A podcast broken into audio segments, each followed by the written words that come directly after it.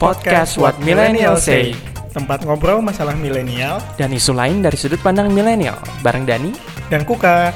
Sok atuh mangga dimulai.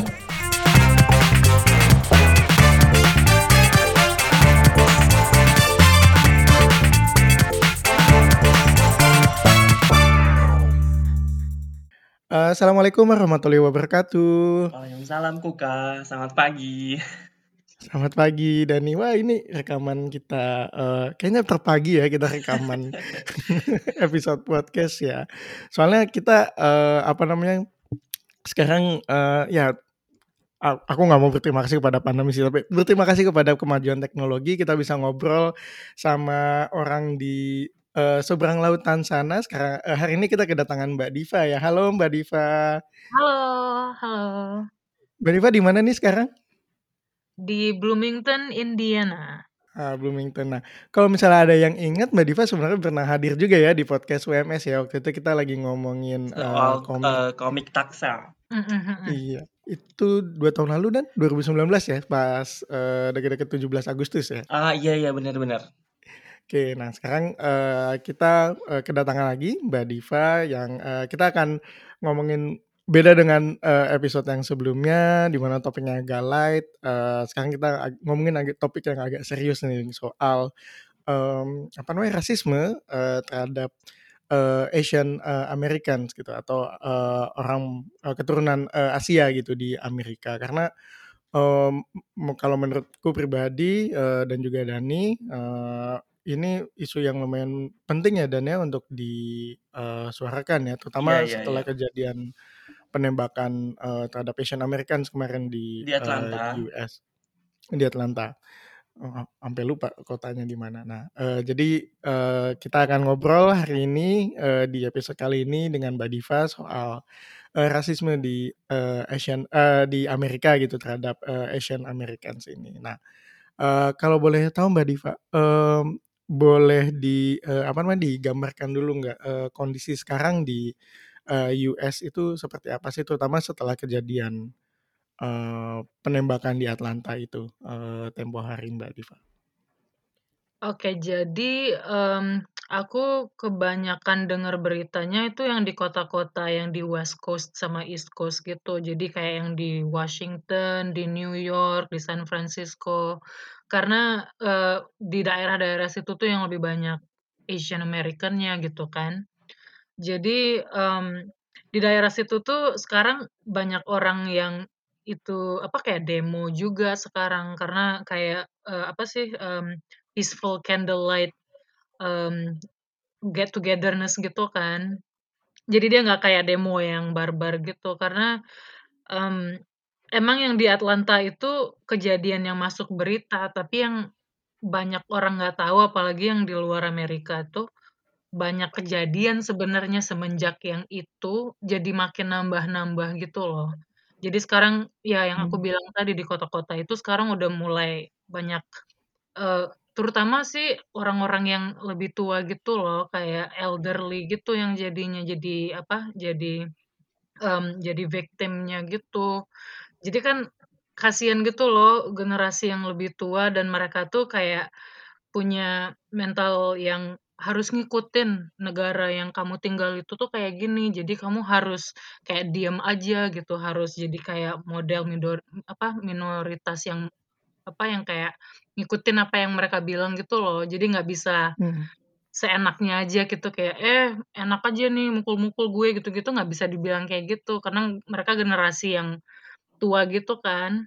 Hmm. Jadi mungkin karena kejadian yang di eh, Atlanta itu itu malah bikin ma- banyak yang bule-bule yang orang white people-nya itu tuh ngerasa kayak oh itu bisa berarti gue juga bisa dong gitu. Jadi kayak Oh, nggak iya nggak bagus gitu loh kayak oh berat kalau mereka bisa berarti gue juga bisa dan itu juga rata-rata orang-orang yang apa em, Trump supporter gitu kan. Jadi mereka nggak senang gitu karena tahu Trump udah nggak presiden lagi.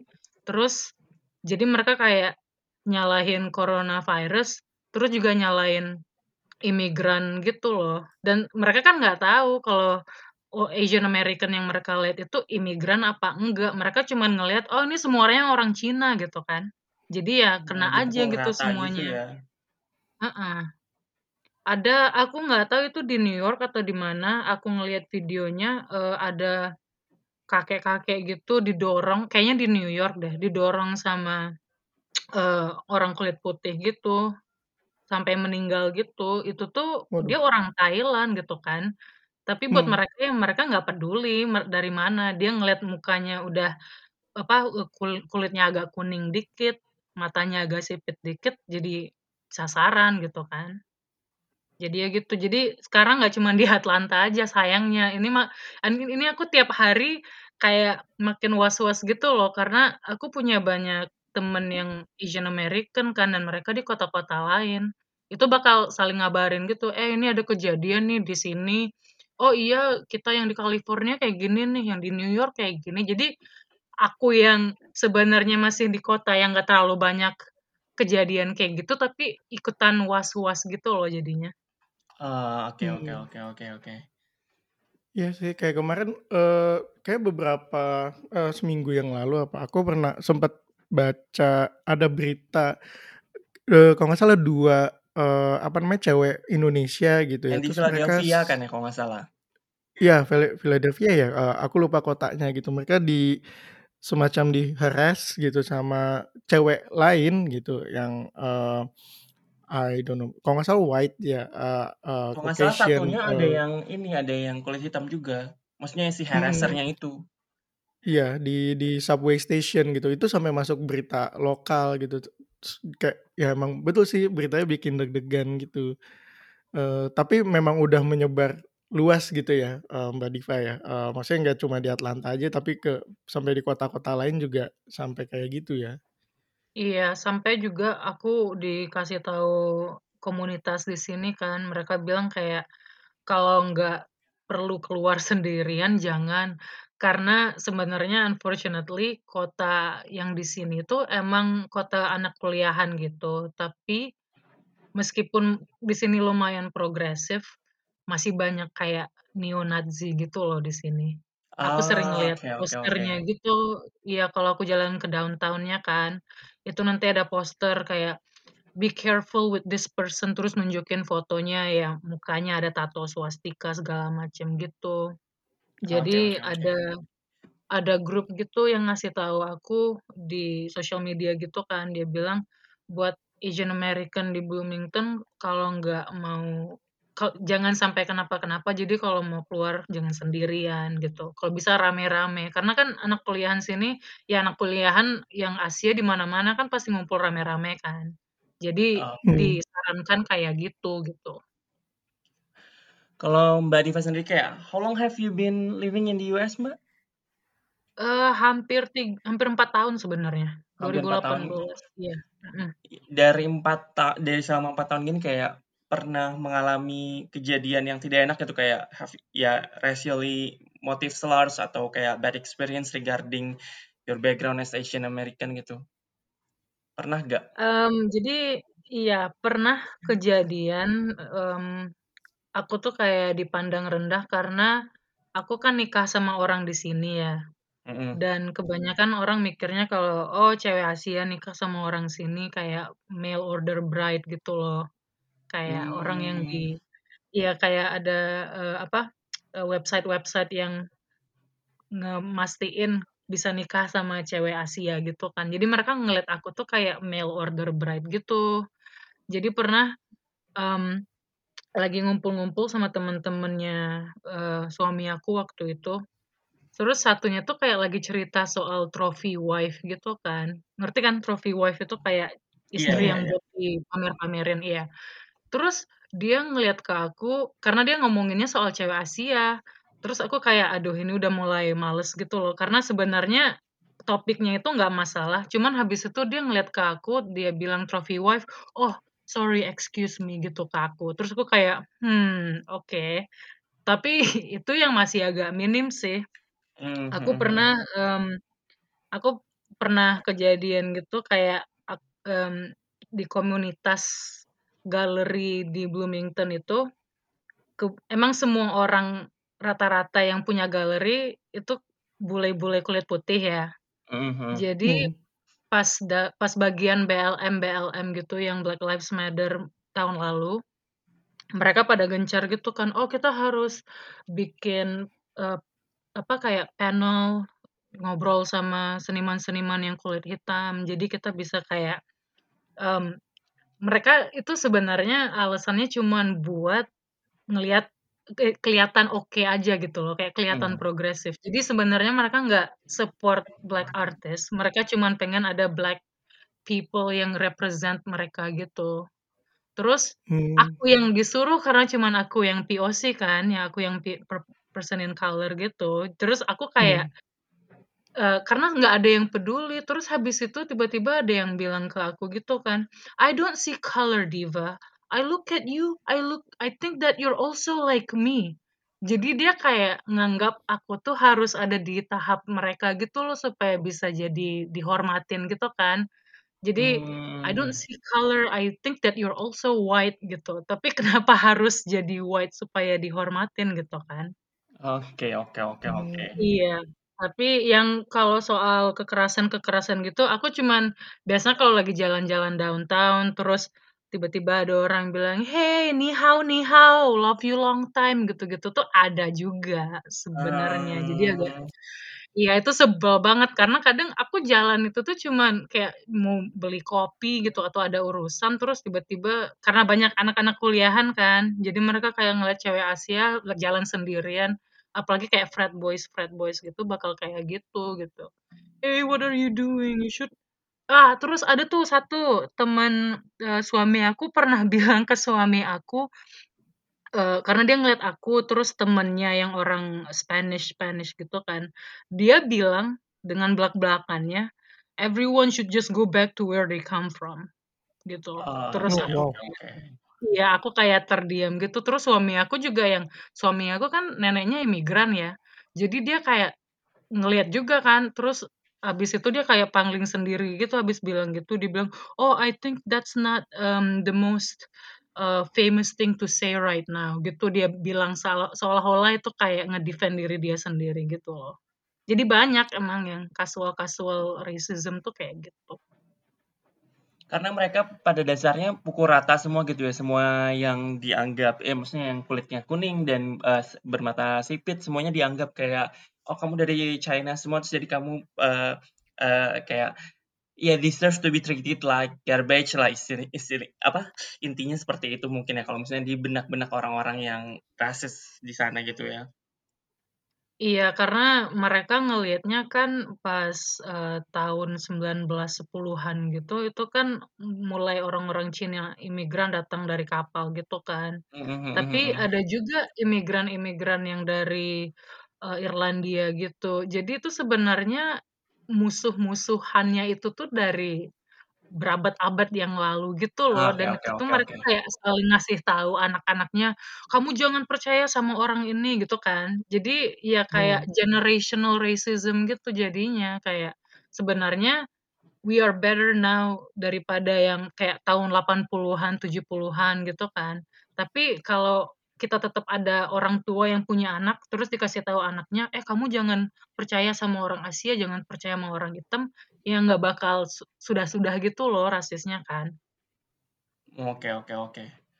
Kalau misalnya Mhm. gue boleh share ini gue baru baca berita karena maksudnya karena saking banyaknya apa, harassment terhadap, eee, Asian American akhir-akhir ini juga di California ini sampai para, eee, Asian American elderly-nya itu belajar self defense gitu. Karena sampai sampai maksudnya sampai separah itu, sampai setakut itu gitu ya, karena situasinya karena mereka nggak tahu mungkin pas lagi di jalan bisa aja langsung di-harass gitu tanpa ya tanpa tedeng aling-aling gitu. Jadi kayak sudah sampai se ya separah, semenyedihkan itu gitu.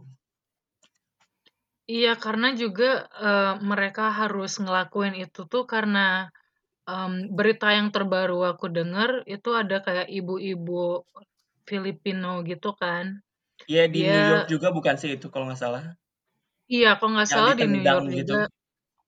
Iya, jadi itu tuh yang bikin marahnya bukan cuman kejadiannya itu, tapi karena kita tuh, eee, sebagai Asian American tuh kita ngelihat orang-orang di sekitar kejadian itu dan mereka nggak ngebantuin. Oke Jadi oke oke ng oke. jadi ngerasa kayak, aduh it's, mmm, for ourselves, we have to save ourselves gitu loh. Jadinya nggak Iya. kayak, mmm, oh kalau ini kejadian pasti bakal dibantu orang-orang sekitar situ. Tapi ngelihat itu video itu tuh jadi kayak, eee, apa, eee, refleksi lagi itu kan ngelihat ini pada ngecuekin gitu loh, dicuekin gitu loh kejadian kayak gini nggak dibantuin sama sekali. Berarti kita harus defend diri sendiri. Makanya yang yang elderly-elderly itu jadinya ya itu, jadi ikutan self defense class gitu. Karena kalau orang nggak mau ngebantuin ya mau gimana gitu kan. Dan itu tambahannya juga baliknya ke model, eee, model minority myth.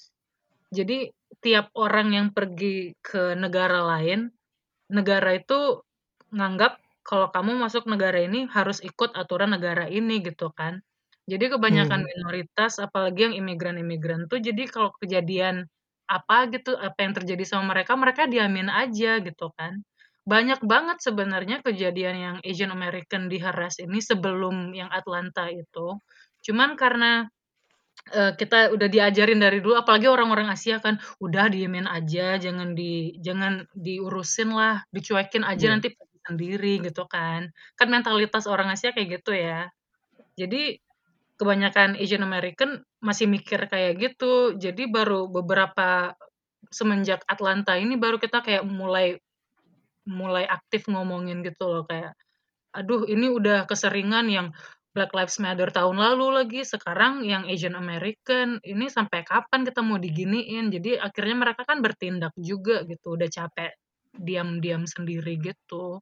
Jadi makanya kayak susah juga gitu loh mentalitas yang itu tuh harus diubah juga kan, nggak bisa harus dipijak ng nggak mau dipijak-pijak mulu gitu loh.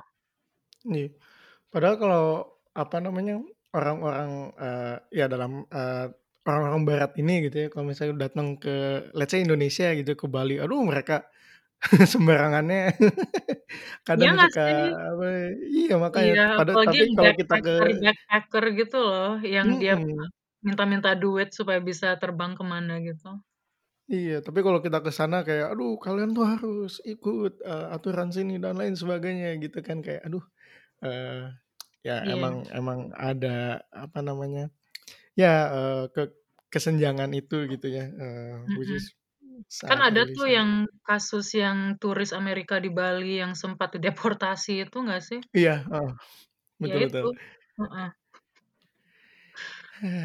Aduh. Tapi kalau, eee, apa namanya, Mbak Rifa kalau boleh, eee, tanya soal, eee, apa namanya, eee, rasisme terhadap, eee, Asian gitu ya di di, eee, US sana gitu, eee, ini mempengaruhi, eee, karir, eee, terutama Mbak Diva sendiri nggak sih? Kan, eee, apa namanya, Mbak Diva ini, eee, sebagai artis gitu ya, seniman dan, eee, aku lihat udah ngadain be be beberapa pameran gitu kan di di sana gitu, soal karya-karyanya.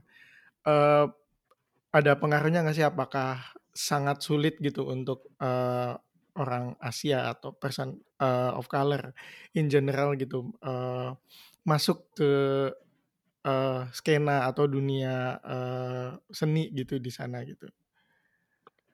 Mmm, kalau di Indiana karena ini Midwest ya, jadi Midwest tuh kayak kalau kita orang Indonesia tuh kayak anak-anak daerahnya gitu loh. Mhm. Jadi, mmm, anak Midwe di Midwest itu dominannya emang orang kulit putih. Jadi yang punya bisnis, yang punya segala macam yang infrastrukturnya lah di Midwest itu rata-rata emang orang kulit putih ya. Jadi, mmm, makanya agak lumayan susah aku masuk ke dunia seni ini, kalau nggak ikutan ses apa, kayak harus ikutin tema sesuatu gitu kan. Misalnya kayak ada yang nyari BIPOC artist, nah aku ikutan yang kayak gitu, gitu. Karena aku tahu banget kalau aku ikut yang general art show-nya itu tuh bakal susah banget. Aku harus ngikutin, mmm, prinsipal apa yang kulit putih orang-orang kulit putih mau gitu kan.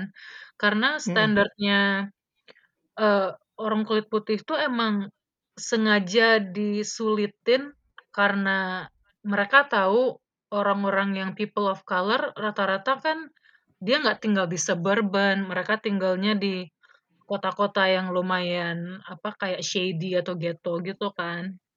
Hmm. Jadi dia sengaja ngasih uh, restriction atau um, kayak ciri khas uh, seninya tuh benar-benar harus kalau nggak live painting kayak lukisan di kanvas gitu atau nggak fotografi mereka nggak nerima gitu kan. Sementara kayak um, black artist kebanyakan bikin graffiti atau bikin lukisan di sneakers atau bikin t-shirt atau bikin mural gitu-gitu kan. Terus yang Asian artist kebanyakan uh, bikin puisi atau bikin digital art kayak aku gitu-gitu. Jadi karena kebanyakan orang kulit putih yang di daerah aku maunya cuman mau lukisan di kanvas atau enggak fotografi. Jadi nggak banyak orang yang mau ikut yang kayak gitu gitu. Dan itu tuh bikin susah karena itu satu galeri dan rata-rata ada di sini ada 10 galeri dan 8 galeri Hmm. itu benar-benar strict gitu loh. Harus ikutin Oh. peraturannya kayak gini. Jadi emang lumayan susah kalau kalau nggak ada koneksinya tuh susah banget. Apalagi di sini nih kota kecil dan semua orang kenal semua orang gitu kan. Tapi gara-gara itu kebanyakan seniman yang, uh, black, indigenous, people of color gitu jadi kayak muak gitu loh. Aduh dikit-dikit harus ngikutin ini, temanya harus kayak gitu tuh kayak ngebosenin banget. Jadi mereka bikin, um, art community sendiri gitu dan itu yang aku ikutin gitu. Jadi teman-teman art seniman aku tuh emang rata-rata by POC kalau nggak orang Asia, kalau nggak orang hitam, orang Span orang Spanish gitu kan, kalau nggak pokoknya semua orang yang nggak putih gitu. Karena emang susah kar eee, mereka tuh memprioriat memprioritasin masing-masing gitu karena mereka saling kenal gitu kan yang orang-orang kulit putih ini. Jadi kayak, "Oh you were in my show, you wanna join this person show, you wanna go to that person show." Jadi kayak mereka tuh bisa aja segampang itu gitu pergi ke galeri-galeri lain karena mereka saling kenal. Tapi mereka ngelihat kita kayak, "I don't know you, where were you from? What are you doing here? What kind of art style are you doing?" Terus karena kontra jadi ya nggak diterima gitu. Jadi emang unfortunately itu tuh di dunia seni di sini emang masih susah gitu loh kita mau masuknya. Tapi kalau di kota-kota besar kayaknya agak lebih menerima gitu. Kayaknya kalau di New York, teman-temanku banyak di New York, mereka lebih diterima di situ gitu. Jadi aku makanya banyak orang yang, eee, Asian American yang mereka tinggalnya di Indiana, di, eee, Chicago, di tempat-tempat yang nggak begitu gede, terus mereka pengennya pindah ke California, ke New York, ke San Francisco, karena mereka lebih diterima di situ gitu. Tapi aku kayak masih pengen nyoba dulu di Midwest ini sebelum aku pergi ke tempat lain gitu. Oke oke oke. Mhm. Kalau misalkan boleh digambarkan Mbak, ep tentunya, eee, apa, se apa, beberapa kejadian terakhir ini, kejadian, eee, terhadap, eee, Asian American community ini kan menimbulkan ketakutan gitu, tapi kalau misalnya can you how you describe your feelings, eee, kayak regarding the recent situation about this racially, mmm, apa, racially motive harassment ini? Mmm, aku ikut komunitas di, mmm, Asia kayak Asian organization gitu. Mhm. Jadi itu rata-rata anak-anak Gen Z sama anak-anak milenial. Jadi namanya Peace Project. Dari situ tuh aku bisa ketemu on anak-anak Asia lain di Amerika gitu dan ada juga kayak orang-orang yang tinggal di tempat lain kan, tapi kebanyakan emang, eee, Asian American. Jadi, mmm, karena mereka selalu ngabarin, "Oh ya di sini kayak gini, di situ kayak gitu."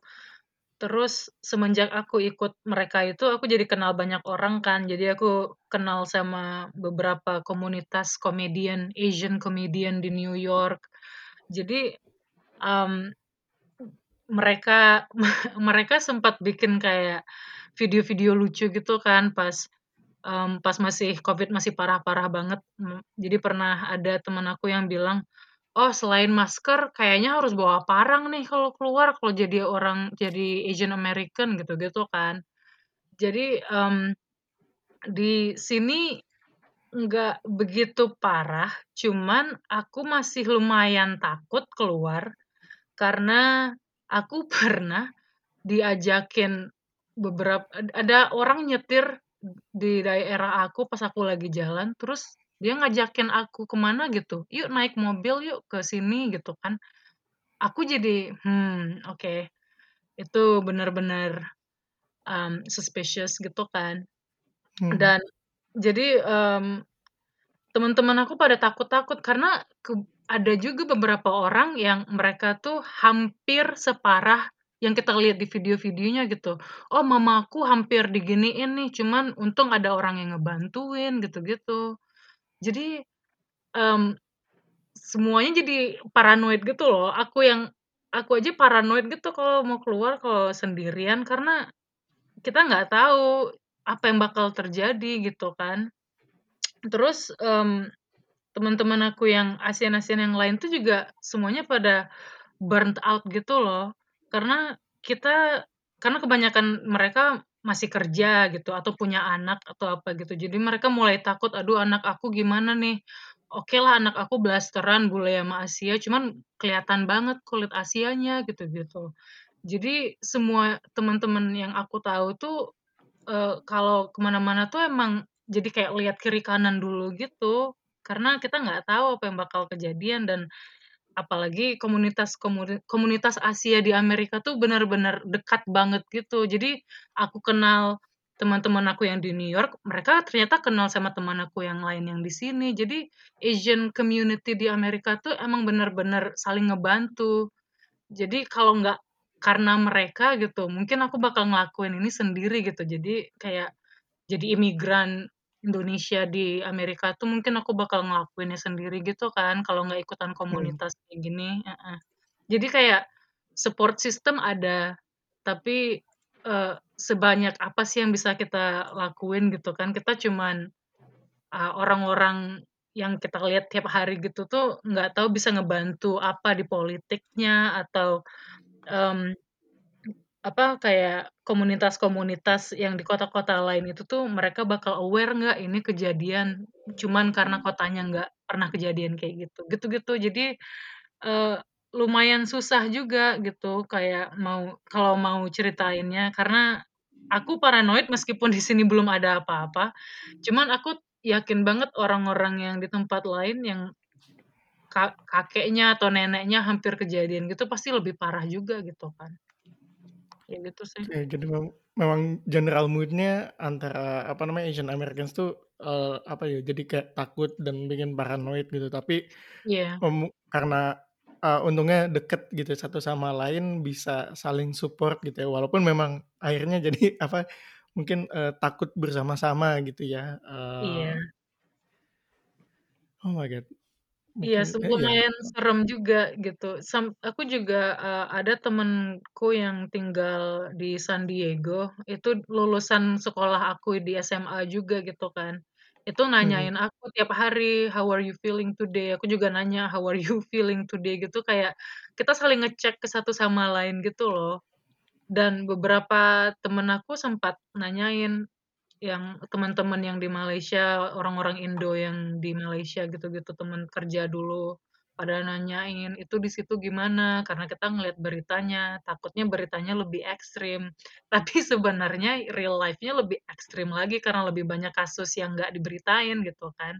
Iya. Jadi emang takut sih jujur, eee, aku sampai ke mana-mana tuh nggak aku kalau naik naik kayak Uber gitu juga masih takut karena banyak juga loh kasus orang Uber-nya itu culik, eee, penumpangnya gitu. Jadi Oh. sa sampai sampai ada TikTok video gitu yang bilang, mmm, "Oke kita jalan kaki yuk." Terus dia kayak zoom in ke berita, oh pejalan kaki ditangkap karena dia tuh racially profiling. Oke kita naik Uber, sama juga. Oh naik bus, sama juga. Naik mobil sendiri, sama juga. Jadi kayak mau gimana pun tuh ya parano itu bakal tetap ada meskipun kita orang yang ada mobil atau naik bus gitu whatever happens, happens gitu kan. Hmm. Sih, oh my god. Itu ini jadi apa namanya, ya ditambah kita udah punya pandemi Covid gitu kan yang wah Iya. apa bikin paranoid gitu, di Heeh. terus punya apa namanya, situasi kayak gini juga. Oh my god, eee, ya mungkin aku, eee, cuma bisa bilang, eee, stay strong, eee, Mbak Diva, eee, dan semoga apa namanya, set setidaknya situasinya bisa, eee, membaik gitu ya, eee, walaupun aku nggak yakin juga sih bisa segera membaik gitu. Tapi ya semoga, eee, semua, eee, keadaan aman-aman aja dan, eee, ya terutama ke Mbak Diva gitu ya. Iya, makasih makasih. Oh mungkin ini pertanyaan terakhir buat episode kali ini Mbak Diva, eee, apa namanya, memang, eee, ya ini kan, eee, rasisme mungkin nggak cuma terjadi di, eee, Amerika aja gitu kan, yang yang namanya rasisme itu kan terjadi di mana-mana sebenarnya gitu kan. Iya. Apa namanya, nggak cuma ke, eee, Asian aja gitu, tapi mungkin, eee, ya kalau di Indonesia sendiri kan ada, eee, banyak kelompok minoritas gitu yang yang juga di eee, mengalami, eee, tindakan serupa gitu. Nah mungkin kalau boleh di, eee, share, eee, semacam, eee, apa ya, eee, refleksi atau atau, eee, pelajaran gitu, apa sih yang sekiranya bisa kita lakukan gitu dalam, eee, apa namanya, me merespon, eee, soal rasisme, eee, ini gitu?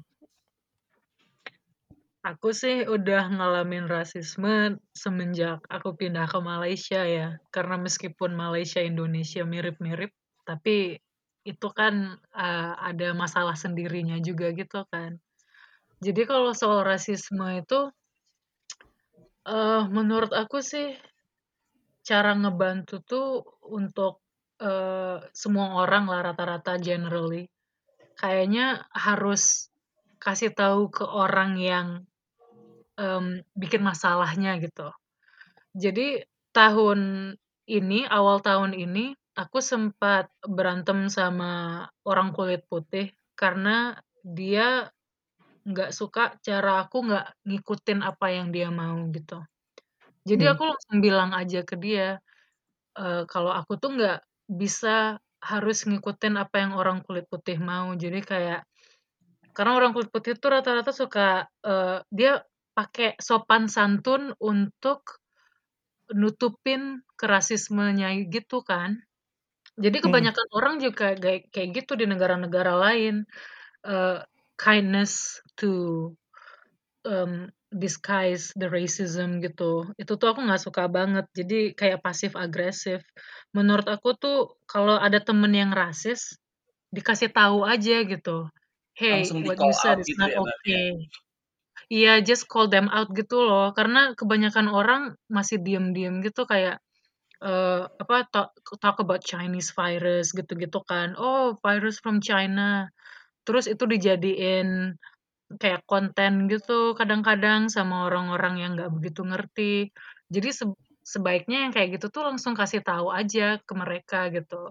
Emang susah ya, apalagi buat orang-orang yang suka malu-malu atau nggak mau, eee, apa, nggak mau provokasiin orang lain tuh emang susah. Cuman kalau kita nggak mulai duluan, itu bakal berakar-akar gitu loh, nggak bakal selesai-selesai. Jadi tiap ada masalah soal rasisme, kasih tahu aja ke orang itu, "Hey, that's not okay for you to say that." Itu jangan dibilang, itu tuh problematic atau gimana gitu, itu nggak masalah karena mereka harus tahu, kalau nggak mereka jadi kayak casual racism gitu loh. Kayak, Mhm. "Oh, it oh, orang or orang-orang Asia, eee, itu cewek apa cowok?" Gitu kan, karena kebanyakan ladyboy. Jadi stereotype-stereotype tuh nggak bakal hilang sampai kita kasih tahu orang lain. Dan jangan buat orang yang jadi victim, jangan disimpen, jangan didiemin-diemin gitu, karena orang nggak akan tahu kalau kita nggak ngomong. Jadi semenjak aku ikutan komunitas yang orang Asia ini, aku jadi kayak more open gitu loh kalau ngomongin soal experience aku kan. Jadi semua orang tuh jang jangan ngikutin apa yang, apa, eee, nenek moyang kita bilang, "Jangan jangan dikasih tahu orang, masalah kita diem-diemin aja." Jangan kayak gitu, harus dibilangin. Whatever problem you have, harus dikasih tahu. ke orangnya atau soal diri kita sendiri. Jadi semua orang jadi kayak, "Oh dia punya masalah ini, oh aku juga punya masalah kayak gitu." Jadi bisa diobrolin gitu loh. Jadi kayak makin makin diomongin, makin banyak support system dan jadinya nggak nggak kayak ngerasa sendirian gitu loh ngadepin hal-hal kayak Hmm. gini. Karena racism is very lonely, beneran. Apalagi kalau orang pada nggak ngerti, "Hah, ini orang Indonesia, Indonesia di mana ya?" Kayak gitu-gitu tuh kan susah loh ngelewatinnya sendiri. Jadi kalau ada orang yang punya experience yang sama, bisa sharing, bisa cari teman kayak gitu kan, dan juga bisa saling, eee, raise awareness gitu loh. Kayak podcast gini gitu kan, kita ngomongin soal Asian American racism, mungkin banyak orang Indo yang nggak tahu soal ini gitu, ada yang dengerin. Ya kayak gitu, jadi konten-konten yang kayak gitu tuh perlu banget diomongin, karena kalau nggak sampai kapan mau berakhir gitu kan. Setuju setuju. Jadi kita memang harus, eee, stand up against racism ya, eee, Mhm. di mana pun dan apa pun itu gitu. Terutama yang kayak casual racism yang kita belum kadang kita juga suka, eee, apa namanya, kelewat gitu. Oh oh ternyata ini racism gitu gitu. Jadi kayak Iya. let's stand up against Iya. racism di mana pun dan kapan pun kepada siapa pun ya. Mhm. Karena setuju. sebenarnya orang-orang itu dari mana pun negaranya tuh bakal ada orang yang nyebelin, bakal ada orang yang kita bisa relate, bakal ada orang yang kita nggak suka. Jadi kayak gitu tuh bukan soal rasisme gitu loh. There are Hmm. assholes everywhere gitu kan. Jadi Setuju. bukan soal rasisnya, soal rasnya gitu yang bikin mereka nyebelin atau bikin mereka, eee, kita nggak suka gitu. Jadi kalau kita mandang orang ya kayak biasa aja gitu. Kayak, "Oh ini cuman this is just another person," gitu. Bukan, "This is an Asian person, this is a black person," jangan kayak gitu. Kayak beneran, nge apa, eee, kalau ngomong sama orang lain ya kayak ngomong sama siapa aja gitu, jangan dilihat rasnya gitu, karena itu bikin jadi prejudice gitu. Hmm. Setuju setuju setuju. Oke. Mhm. Jadi memang masih banyak PR yang harus kita lakukan ya teman-teman sekalian, eee, tapi bisalah kita mulai pelan-pelan supaya nanti nggak keulang lagi kejadian-kejadian yang seperti ini. Termasuk yang, apa namanya, penembakan di Atlanta kemarin ya kan. Racism is really bad. Oke. So, ya mungkin kita tutup dulu, eee, episode-nya, eee, di sini. Thank you Eee, Mbak Diva terima buat kasih sharing-nya. Mbak Diva. sama-sama. Moga-moga bisa Eee bermanfaat. Ya, setidaknya bisa memberikan perspektif ya kepada teman-teman, eee, pendengar milenial, eee, soal seberapa parah sih rasisme eh, that's really bad. So, oke. Eee, tetap sehat Mbak Diva di sana, semoga cepat dapat vaksin ya, di US duluan dapat vaksinnya, dan Iya. semoga, eee, apa namanya, tetap aman, eee, dan tidak sampai mengalami semua kekerasan yang seperti diberitakan itu. Iya, amin, makasih. Amin. Oke, eee, buat teman-teman pendengar sekalian, terima kasih sudah mendengarkan episode ini. Seperti biasa kalau ada kritik dan saran bisa disampaikan ke kita via, eee, email podcastwms@gmail.com, eee, atau colek di sosmed langsung aku ada di Twitter dan Instagram @kakakhafi106. Kalau Dani di mana, Dan? Di Rasa Dani Rama. Rasa Dani Rama di, eee, Twitter dan Instagram juga ya? Yap. Itu dan ya jangan lupa, eee, apa namanya, eee, stay tune untuk episode-episode selanjutnya kita mencoba untuk konsisten buat terus upload di tahun 2021 ini. Oke, so, eee, terima kasih untuk semua, untuk Mbak Diva, eee, sudah hadir sini, terima kasih buat teman-teman pendengar sekalian, sampai ketemu di episode selanjutnya. Dadah. Dadah. Dah.